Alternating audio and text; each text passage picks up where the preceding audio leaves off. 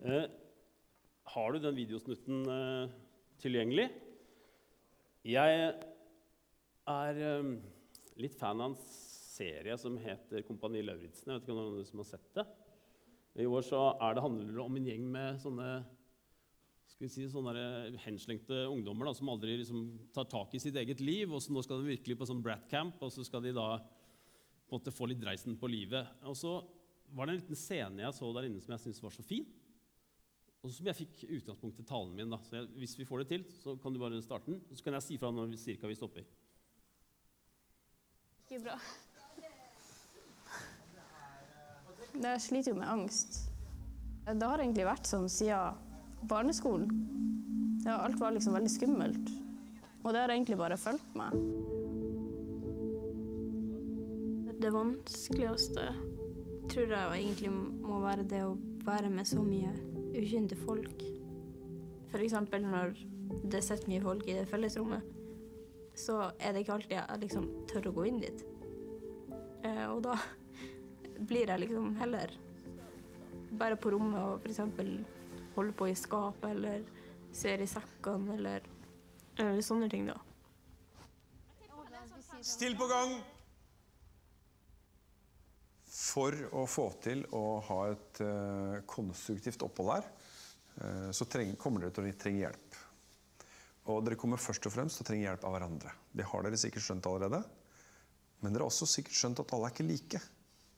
Når dere er forskjellige, og alle sammen skal eh, passe på hverandre Obersten sa det i talen sin. Det er elleve stykker som skal passe på deg, og du skal passe på elleve stykker. Det betyr at dere må igjen aktivt finne ut om alle har det bra. De som lager mye lyd, de blir hørt. De som ikke lager mye lyd, de fortjener også å bli hørt. Og da må dere gi plass. Ikke sant? Kan det synes på noen om de har det bra eller ikke? Ja, ok, Så vi kan se på hverandre. Ja. Og når du ser noe du lurer på, hva gjør du da? Dere tenker kanskje at det er modig å hoppe og dykke og masse ting som, som kanskje dere skal ut på, men det er vel så modig å tørre å komme et annet menneske i møte. Og det må dere også trene på. Dere kommer til å trenge hverandre mer enn dere forstår. Og det er bare å begynne å trene med en gang. Hjelp hverandre med nettopp det. Er det noen spørsmål? Dere trenger ikke å leite fram noen, for da kan dere nemlig få jobbe. Sett i gang. Ja, er det. Noe vi kan gjøre for deg? Nei, jeg bare sliter veldig med angst. Mm. Og da det blir litt tøft. Den syns jeg er litt fin. Hva er det å være modig? Dere tenker det er å dykke eller å hoppe eller gjøre sånne crazy ting. Nei, sier fenriken, det er å komme et menneske i møte. Og jeg, Det jeg syns er litt artig med den videoen, er jo at alle jentene er jo som, som eh, sånn eh, mygg til lyset, holdt jeg på å si, med en gang etterpå. Da hiver de seg over denne jenta. Med andre ord, de visste jo hva han snakka om. Så det var ikke det at ikke de visste om det. Han, for han, han bare satte ord på elefanten i rommet, egentlig. Eh, De visste hva det rette var å gjøre, men de gjorde det lette. Vi er flokkdyr, og vi holder oss til våre av frykt for at vi skal være den som er utstøtt. Så når han sier det, så traff det dem kanskje ekstra, og da var de der med en gang. Men hvorfor gjør vi det? Hvorfor gjør vi det lette istedenfor det rette? Eh, og det var utgangspunktet for den talen som jeg skulle holde her. da. At eh, det å bli sett Jeg husker vi var et lekeland med barna for en del år siden. og så satt vi der litt sånn henslengt i alt bråket på en, på, ved et bord. Og så kommer det en helt ukjent jente bort til oss og sier 'Kan du se på meg når jeg leker?' Nå fikk jeg litt Østfold-dialekt, merka jeg. Og så sier jeg yeah, 'Se på deg?' 'Ja, det kan vi godt'. Og hun kjente ikke oss, men det var så viktig at når hun sklei i den sklia, at vi så på henne. Det å bli sett er enormt viktig for oss fra vi er små til vi er gamle. Og eh, det er ikke bare bare å se mennesker i dag. Hvis du får det der bildet, hvis du ser bak her da. Jeg var på en sånn ungdomskveld på fredag. og det å få kontakt med ungdommer som sitter sånn, og, og prøve å se de, det er krevende. Og det er lett å gi opp. Og det slår meg jo at sosiale medier er jo laga for nettopp det. Se meg, få bekreftelse på at jeg fins, at jeg betyr noe, at det er noen som liker meg, at det er noen som følger meg i tillegg.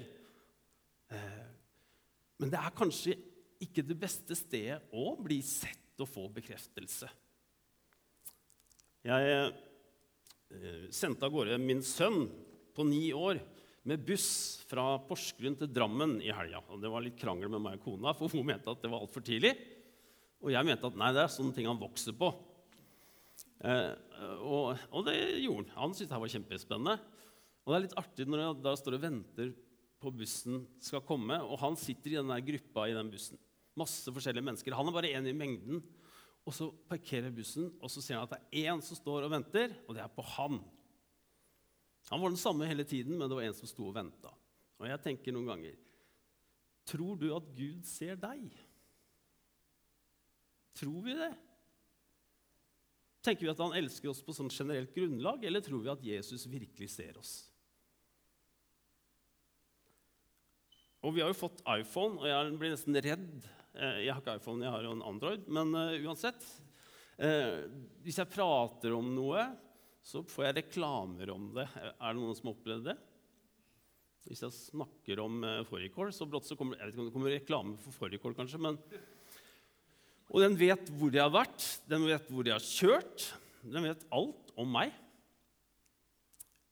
Så, så, så det er tanken om at Gud ser den enkelte, hvorfor skulle det være så umulig? Har du minne om et menneske som så deg når du vokste opp, når du var barn? Et menneske som ikke var i din familie, men som allikevel så deg, som lærte seg navnet ditt? Og som lurte på hva du dreiv med, åssen det gikk med deg. Har du hatt et sånt menneske? Og Hvis du tenker etter nå, så kanskje du ser den personen litt for deg, som så deg, og som, og som brydde seg. Og det var helt uavhengig av alder eller kulhet. Men det var et menneske som faktisk så meg. Ikke bare faren min eller mora mi eller familien min, men det så meg. Jeg, hadde, jeg har hatt noen sånne på leir.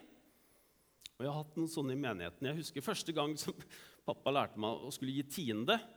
Og det er hardt for en tiåring å gi tiende. Å liksom gi fra seg penger. Jeg, husker det, det jeg husker det ennå. Eh, og, og kollektkurven kom, og jeg skulle gi den der hundrelappen. Og, og, jeg kjente ikke den der gleden som man skulle kjenne på da. Og så kommer det ei dame i menigheten etterpå. Hun satt lenger bak, og så tar hun meg i hånda. Og så spør hun liksom, eller sier det var godt å se deg, Lars. Og så kjenner jeg at det er noe inni den hånda, og inni hånda ligger det en hundrelapp. Og jeg vet ikke om hun så at jeg ga 100 kroner. Det kan jo være, hun kan hende hun fikk med seg mer enn jeg trodde. Men for meg så var det en sånn Gud sørger for meg. Gud ser meg. Og det er så viktig i en menighet. Det er så mye ensomhet i menigheter. Vi tenker sånn at så fort du er kristen og du kommer inn i menighet, så, så, så lander alt i livet ditt. Nei, det er enormt mye ensomhet også i menighet. Når man ikke passer inn i normalen. Når man ikke har barn for eksempel, eller kjæreste. Og alt man hører om, handler om barn og familie. Så kjenner man at kanskje ikke det er rom for meg her. da. Verdens største religion, kristendommen, starta ikke med store kampanjer. Den starta med enkeltmøter, personlige treff når Jesus starta, så, så, var det ikke med sånne svære kampanjer. og Nei. Han gikk til enkeltmennesker. Og andre mennesker så en fisker, noen så en håndverker, mens Jesus så et fundament, en klippe, for kirken. Jesu øyne og Guds øyne har alltid sett mer enn det vi mennesker ser. Du har ikke vann? Jeg tror jeg satte fra meg vann der nede. Et eller annet sted. Jeg blir så tørr når jeg preker. Eh, og jeg vil snakke om det som går som en rød tråd gjennom Bibelen. Og nå skal dere få til å slå opp. var det sånn? Ja. Dere skal få til å slå opp første Mosebok. Jeg gjør det veldig sånn greit å slå opp i starten, for da blir man ikke så stressa. For hvis man skal inn i noe Ruth eller et eller annet sånt, så blir det så vanskelig. Første Mosebok, 16, kapittel 16, vers 13. Og det her er Hagar, trellkvinna til, eh, til Sara. Og Sara hadde vært barnløs i veldig mange år. Og så kommer Hagar, trellkvinnen, og hun får barn der. Og jeg Ok. Ja, da jeg kan drikke med begge hendene. Som eh, jeg, Vi var ufrivillig barnløse i nesten ni år. Så jeg forstår Sara, egentlig, eh, som sparker den dama ut. Eh, her har Sara gått i tiår etter tiår og ikke fått barn, og så kommer hun, og så får hun det. Eh, lang historie kort. Vi leser 16 Skal vi se her, ja. Så står det Jeg kan ta litt, litt før, jeg. Ja. Vers 7. Hagar har da blitt gravid. Hun har blitt sparka ut fra Abrahams hus. Ut egentlig etterlatt for å dø. Herrens engel fant henne ved en vannkilde i ørkenen, ved kilden på veien til Sjur. Han sa, 'Hagar, Sarais slavekvinne, hvor kommer du fra, og hvor går du hen?' Hun svarte, 'Jeg rømmer fra Sarai, husfruen min.' Og Herrens engel sa til henne, 'Vend tilbake til husfruen din, og la deg ydmyke under hennes hånd.' Herrens engel sa, 'Stor vil jeg gjøre din ett, så stor at den ikke kan telles.' Og så sier Herrens engel til henne, 'Se, du er med barn, og du skal føde en sønn. Du skal gi ham navnet Ismael.' Det er noe kjent med den setningen der. Han skal bli et villesel av et menneske. Hans hånd skal være vendt mot alle, og hans hånd mot ham. Rett imot alle sine slektninger skal han slå seg ned. Så kommer det. Da satte hun dette navnet på Herren, som hadde talt til henne. Du er en Gud som ser meg. For hun sa, Har jeg her virkelig sett Han som ser meg? Det var navnet som hun ga til Gud. Han som ser meg. Og jeg, jeg, sa, jeg kommer jo da Jeg er jo Bamble frikirke. Altså Det sitter i, for jeg har vært der i ja, åtte-ni år. har det blitt så mye jeg har gått der. Og jeg er utrolig glad i Bamble frikirke. For der er det veldig mye sånne mennesker som jeg liker. Sånne som, som ikke nødvendigvis hopper opp på, på, scenen og skal vise seg så veldig, men som jobber liksom i, i manesjen, da, liksom i det skjulte. Det er noen som tar med seg noen litt sånn bygdegutter og så skrur lyd og tar det med. Så de kommer på en litt sånn traust gudstjeneste, og så kommer de gutta med capsen og, og pickupen ute, og så kommer de og skrur lyd. Sånne mennesker er jeg veldig glad i. Sånne som ikke har behov for fokus, men liksom for å dra med andre mennesker. Og som ser andre mennesker og tar dem med. Sånn er det mange av i Bamble frikirke. Og vi starta frimat, matutdeling, hver uke. Og det er min dårlige samvittighet nå, for nå har jeg ikke fått vært der i det siste. Men, men der er, det, er vi på en måte blitt enige om at det er viktig å se de som kommer, men det er ganske krevende å se de som kommer, for veldig mange av de skammer seg. Det er et stort stigma å ikke ha penger til mat. Og spesielt, jeg tror det er kanskje enda mer for, også for en del, for en del nordmenn, eh, så er det ekstra ille. Så det er siste sted du ønsker å treffe kjentfolk, for å si det sånn. Og da er det noen som faktisk våger seg ut og ser folk i øya, og som spør åssen går det med deg, og som er interessert, og som er nysgjerrig på ja, åssen har du det. Og som på en måte, alt dette med økonomi og det at jeg står her og du står der, det er ikke så viktig. Vi er på, vi er, vi er på like fot. Og egentlig en tanke om at det kunne like godt vært meg som sto der, kanskje litt med lua i hånda og tok imot mat. Hvis man har levd noen år, så vet man det at situasjoner i livet så har det vært kritisk, og det kunne gått begge veier.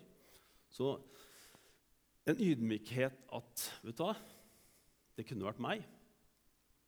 Og de ser disse menneskene som kommer. For det er veldig lett å gjemme seg kanskje vekk på kjøkkenet eller et annet sted liksom, og slippe den der vanskelige samtalen. Men jeg har så respekt for de som faktisk våger seg inn, og som, som gir dette mennesket eh, selvrespekten da, tilbake.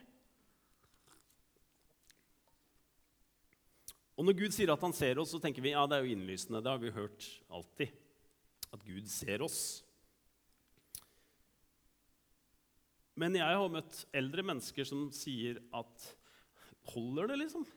Tror de Gud virkelig ser meg? Er jeg god nok? Tenk om det ikke holder? Og det tror jeg gjelder alle. Det er den der tanken om, om Gud ser oss. Jeg husker når jeg var student inne i Oslo, så var jeg på et møte. Og så var det en profetisk eh, kvinne der. Og hun tok ut folk i, i salen og sa deg, hvis du kan reise deg opp. Deg, deg. Og så, hvis man ville, da, så kunne man reise seg opp. Ja, man kunne løpe av gårde òg, men, eh, men, jeg valgte å bli, og jeg ble utvalgt. Og plutselig så står Jeg hadde ingen tro på de greiene der i det hele tatt. Og så begynner hun å fortelle ting om mitt liv. Og mine foreldre, som var i en vond skilsmisse. En stor, stor krangel og altså, en sånn mørke. Og fortalte da om hvordan jeg hadde, at jeg var der for foreldrene mine. da, selv, Og Gud så at det var vanskelig. Altså, Ikke en sånn generell profeti, vil jeg si. da. Ikke kanskje den som jeg ofte hører, at 'du er mitt barn, jeg er glad i deg'. Og den er fin, den. Men, men for meg så var det en sånn 'Gud ser meg og mine vanskeligheter'. Og jeg fikk det på kassett. Eh, for da hadde vi kassett på den tiden.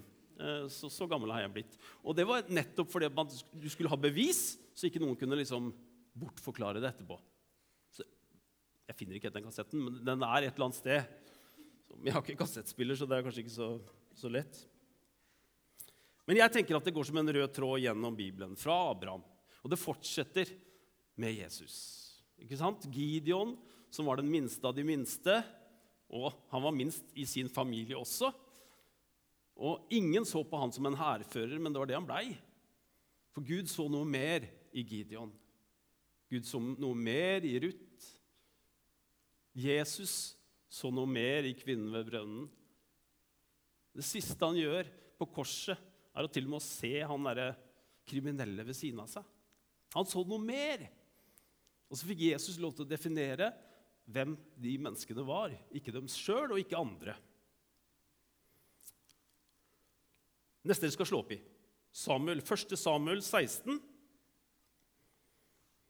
Der skal jeg ta litt lengre tid, for det er litt vanskelig å finne.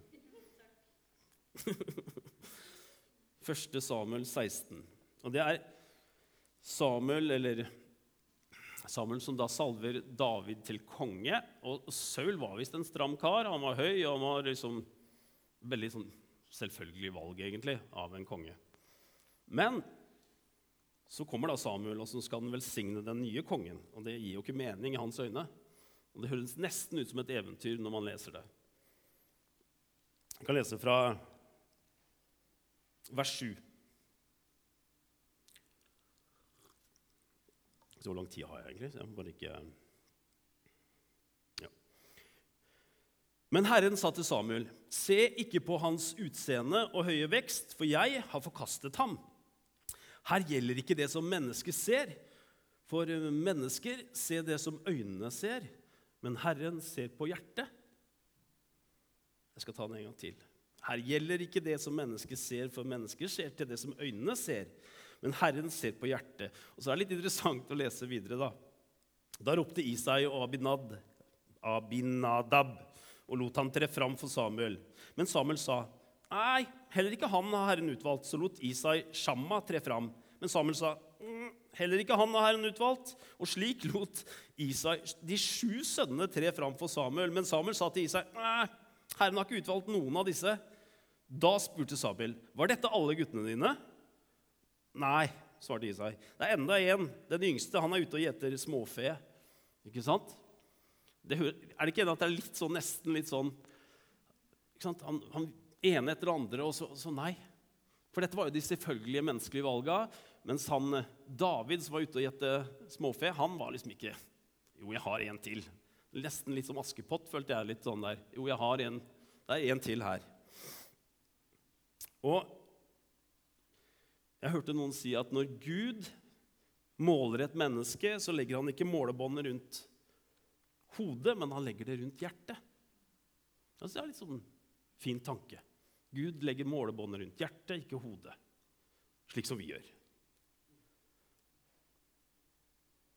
Og Når Jesus går gjennom byen og legger merke til en liten fyr som sitter oppi tre og det har jeg liksom tenkt, Den har liksom fulgt meg hele veien. Det er Sakkeus, det er sånn, en av de første historiene vi hører. Men det skal jo litt til for at et voksent menneske klatrer opp i et tre. I hvert fall sånn i forhold til liksom stolthet og holde Og så tenker jeg Sakkeus hadde sikkert masse kallenavn, for han var liksom en grådig snik. Eh, og så kommer Jesus, og så kaller han han Sakkeus med hans eget navn.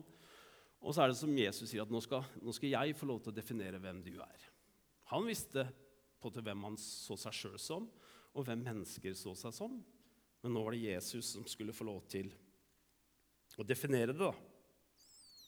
Jesus ønsker å vise hvem Sakkeus er.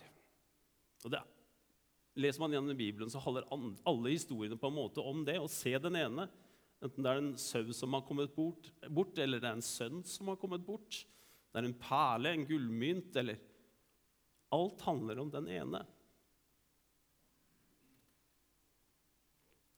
Ensomhet er et av de største helseproblemene i, i verden, og i hvert fall i Norge. Eh, det er så mange mennesker som får sykdommer rett og slett fordi det er en ond sirkel, dette med ensomhet. Det er en ond spiral som gjør at jeg blir kanskje i mange tilfeller inaktiv og litt deprimert, og som fører til rett og slett helseproblemer. Fordi det er ekstremt skambelagt. Og det er nettopp den tanken 'jeg er ikke verdt å være sammen med'. Og den, den er vond å kjenne på. Kan vi se om noen har det bra, sa fenriken. Kan vi det? Jeg vet ikke. Kanskje. Jeg liker den tanken i hvert fall at det er elleve personer som skal passe på deg, og du skal passe på elleve personer. Vi skal se hverandre, vi er avhengige av hverandre som fellesskap. Og når jeg var på nettsida og så Kragerø frikirke, så handla det veldig mye om relasjoner. Viktigheten av relasjoner. Og Det er jo det som gjør at folk fortsetter å gå i en menighet. Det er ikke den sterke talen eller flotte lovsangen. Eller, nei, det er relasjoner. Det er rett og slett å bli inkludert. Det er så enormt viktig. Jeg tenker, når vi begynte med frimat matutdeling, så tenkte jeg hva forbinder folk med Bamble frikirke når de går forbi? Noen vil kanskje tenke at her er det sånne moralens voktere som mener de er bedre enn alle andre. Sånne mørkemenn. Og så er det noen som tenker ja, jeg har mange gode minner fra det, fra søndagsskole og sånne ting, men jeg har kommet videre i livet. Det funka da jeg var liten, men ikke nå. Og så er det noen som går forbi den bygningen og sier Er det en kirke der? Og det tror jeg det er veldig mange som gjør. Er det en kirke der? Så hvordan skal man bryte den lydmuren og komme ut? Og Da starta vi matutdeling rett og slett for at vi ville vise at vi bryr oss om mennesker. Uten at vi krever noe tilbake, uten at vi krever noe forpliktelse annet enn at de kommer. For nettopp det å vise at vi bryr oss. Vi er elska, vi er sett, vi er villa, vi er ønska for å elske andre. Ikke for å brenne inne med det. Det er så mye speil i denne verden, men vi trenger et vindu der vi ser ut. Det er altfor mye speil i samfunnet. Men da må jeg tenke er det plass til flere i vårt fellesskap? Og de fleste vil si ja, det er masse plass i vårt fellesskap. Men er det plass i vår bibelgruppe, da? Det slår meg liksom det at det er ikke alltid det er det. altså. Nå blir vi veldig mange i den gruppa. Det er liksom us for no more. Og, og vi trives veldig godt sammen. Og da blir det liksom ustabilitet. Og, og, så glemmer man at, man en gang var ny. Man glemmer at man en gang ble tatt imot av noen. Og så glemmer man å ta det videre. Og når jeg, tenkte, når jeg sa i stad at Husker du den personen som så deg? Og så, jeg, så tenker jeg noen ganger Har du sagt det til den personen? Har du huska å si det? Vet du hva? Du betydde mye for meg. Og selv om det har gått mange år, så tror jeg på at en sånn melding det tror jeg hadde betydd enormt mye for det mennesket. Du så meg, og det betydde mye for meg. Hva tenker folk når de hører Kragerø frikirke? da? Hvis du er ute, litt utafor eh, veggene her, hva er det folk forbinder med Kragerø frikirke? Er det et godt sted å være? Er det et sted man blir sett?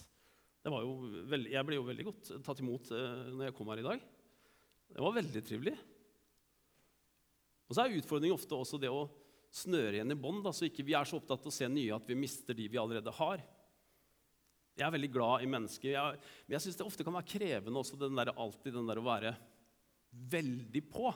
For jeg er litt, jeg er litt sånn sjenert på en del ting. Og jeg, jeg tenker, Én ting er hvordan man blir møtt, men en annen ting er hvordan følelse man har når man går herfra. Og det tenker jeg er kanskje viktigere. Kanskje ikke er alt vi får til det, men hvis det er en som har sett meg og, og bryr seg om meg, så har jeg en annen følelse når jeg går. Jeg snakka med svogeren min for en del år Nei, Hvor lenge er det siden da? Ja, samme. Vi snakka om Donald, i hvert fall.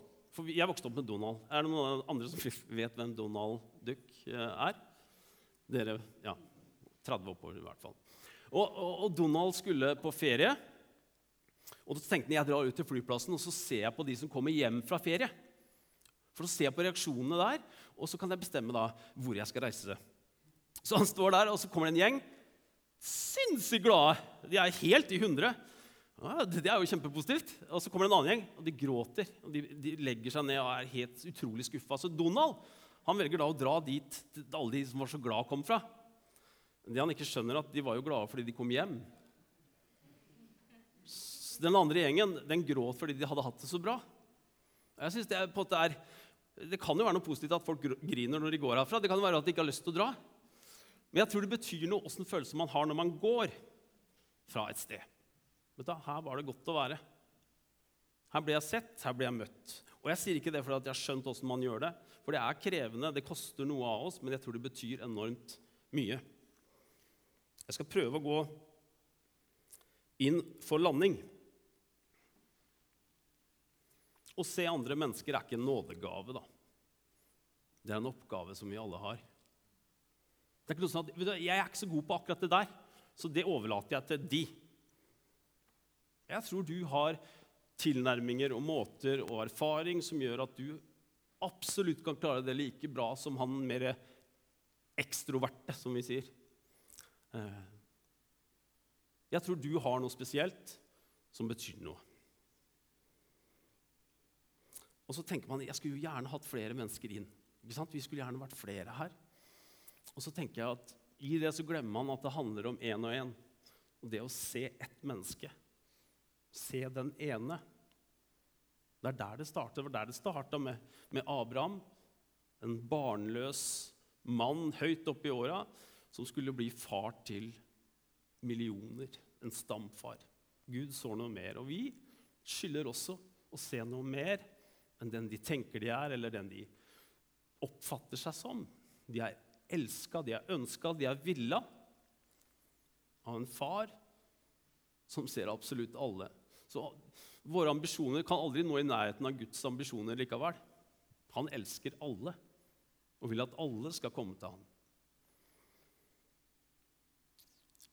Siste Jeg, jeg, snakket, jeg var i overgangen fra når jeg jobba i Bamble, og så skulle jeg over i ny jobb, så fikk jeg være noen, et par døgn. Det var alt vi rakk før det ble skolestreik, så da måtte jeg hjem og, og ha hjemmeskole igjen. holdt jeg på å si. Mm. Og Da snakka jeg med en, en, en, prest på Modum Bad. Uh, og Så snakka vi litt om menighet og det å drive menighet og den derre Sammenligne tall. Hvor mange er vi? Og så sier han at han, han vokste opp Eller han var ung student under Jesusvekkelsen, og noen her inne kanskje husker den. Og Da var man samla i Trefoldighetskirken annet, i Oslo. Hundrevis av ungdommer. Det var bare fossa inn, det var nye folk hele tiden. Folk som ble frelst, folk som eh, opplevde nådegaver og profetisk gave og tungetall. Det, det skjedde noe hele tiden. Eh, og så ble han ferdigutdanna prest, og, og, så skulle han få jobb eh, da i Jevnaker kirke. Svær kirke ute på bygda. Og den første gudstjenesten han hadde, så kom det tre stykk. Han kommer da fra Jesusvekkelsen, liksom, der det var seier. Og så kommer han inn der, og så kommer det da tre stykk på, på nattverdsgudstjeneste, som han skulle ha første dag på jobb. Og I norske kirker så er det sånn at hvis det kommer tre eller færre, så kan du avlyse gudstjenesten. Så der er det ikke den hvor to eller tre er samlet. Den gjelder ikke der. Eh, men hvis det er tre eller færre, så kan du avlyse. Sorry. Dere er, det er ikke nok, rett og slett. Altså, jeg, han, og han var inne på tanken, men han gjorde det ikke, da. Sånn, vet du hva? Jeg kjører, jeg kjører nattverdsgudstjeneste. Og så har de nattverdsgudstjeneste, og så, så, går han ut i om det var sakristi eller med kjortelen og alt det der. Og så, så kommer da eh, har vi, hopp, vi skal hoppe til det siste bildet, for nå har jeg gått forbi alle powerpointene mine. Bare fortsett. Ja, du ta ja, Du får det kanskje ikke bytta den? Bak der? Har du sikkert sovna? Ja, der! Jeg hoppa forbi alt, jeg. Sorry. Eh, og så kommer det en gammel mann bort til og så sier han det. I dag var første gang jeg gikk til nattvær i hele mitt liv. Det er det han sier. Og han sa det at ah, det gjorde noe med hvordan jeg ser på mennesker. I dag var første gangen jeg gikk til nattvær. Og det fikk han lov til å være med på. Fordi han valgte å ikke av, avbryte hele gudstjenesten, holdt jeg på å si, ikke, men avlyse hele gudstjenesten. Fordi disse tre de var like elska som den store mengden som vi drømmer om.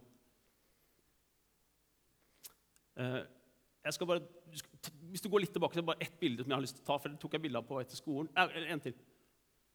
Ja, en til. En til. Der! Jeg er ikke så fan av tagging, men hvis dere ser den Den sykla jeg forbi på til skolen, og så tenkte jeg vet du tagging kan være bra innimellom. For Her står det 'Takk for at du sorterer'. Og jeg tenker, I samfunnet så blir man sortert ut ifra hva man produserer, hva man klarer å, å, å, få til. Mine ressurser, hva jeg kan tilby fellesskapet jeg er i. Mine styrker. Og så er det noen som har tagga. Tenk å ta med seg sprayboksen. Og, det var litt morsomt, tenker jeg. Men i hvert fall takk for at du er. Og kanskje vi Hæ? Nei, så, så skarp er ikke jeg, holdt jeg på å si. Men jeg så det, da. Så det er jo noen som har tagga litt sånn ironisk eh, der. Og jeg tenker det, gjør, det, er noe med synet vårt på hvordan vi ser mennesker. At vi må se mer. Og da trenger vi Den hellige ånd til å overbevise oss. Så vi ikke bare ser med våre øyne og verdens øyne, men med Den hellige ånds og Guds øyne. Nå vil jeg at dere skal gjøre én ting. Det har ikke jeg gjort før, så det, det kommer sikkert til å gå veldig bra. Eh, jeg vet ikke om dere har, Hvis dere har noen sånne lovsang sånn som du spilte i starten, så hadde det vært fint. Her står det 'Vi ber for'. Nå vil jeg at du skal gå opp her, og litt sånn på rekke og rad. Og så vil jeg at du skal skrive navnet på et menneske. Du trenger ikke hele eller hele adresse og personnummer. Eh, og du kan til og med bruke et pseudonym. Men jeg tror det er godt å skrive fornavnet til et menneske som du gjerne skulle sett her sett i menighet eller et annet sted. Kanskje det er en familiemedlem, kanskje det er en søster, en bror, som du gjerne skulle sett. Ble sett av Gud, og som tok imot det, og som ga livet sitt til Jesus. Det Kanskje nå så sitter du og tenker på én person. Kanskje har du mange, men nå skal du få lov til å skrive én person. To, maks to, da som du ønsker helt konkret framover å be for. Kanskje gjør du det allerede. Så skal vi få lov til å gjøre det, og så kan dere skrive navnet på den her. Og for mange av dere så har dere kanskje det navnet allerede. Så går vi bare oppover. Det er, det er liksom litt sånn skummelt, det her, men jeg tror det er viktig for å bevisstgjøre nettopp det derre kallet til å se den ene. Dere kan få lov til å begynne. Så bare følger dere på.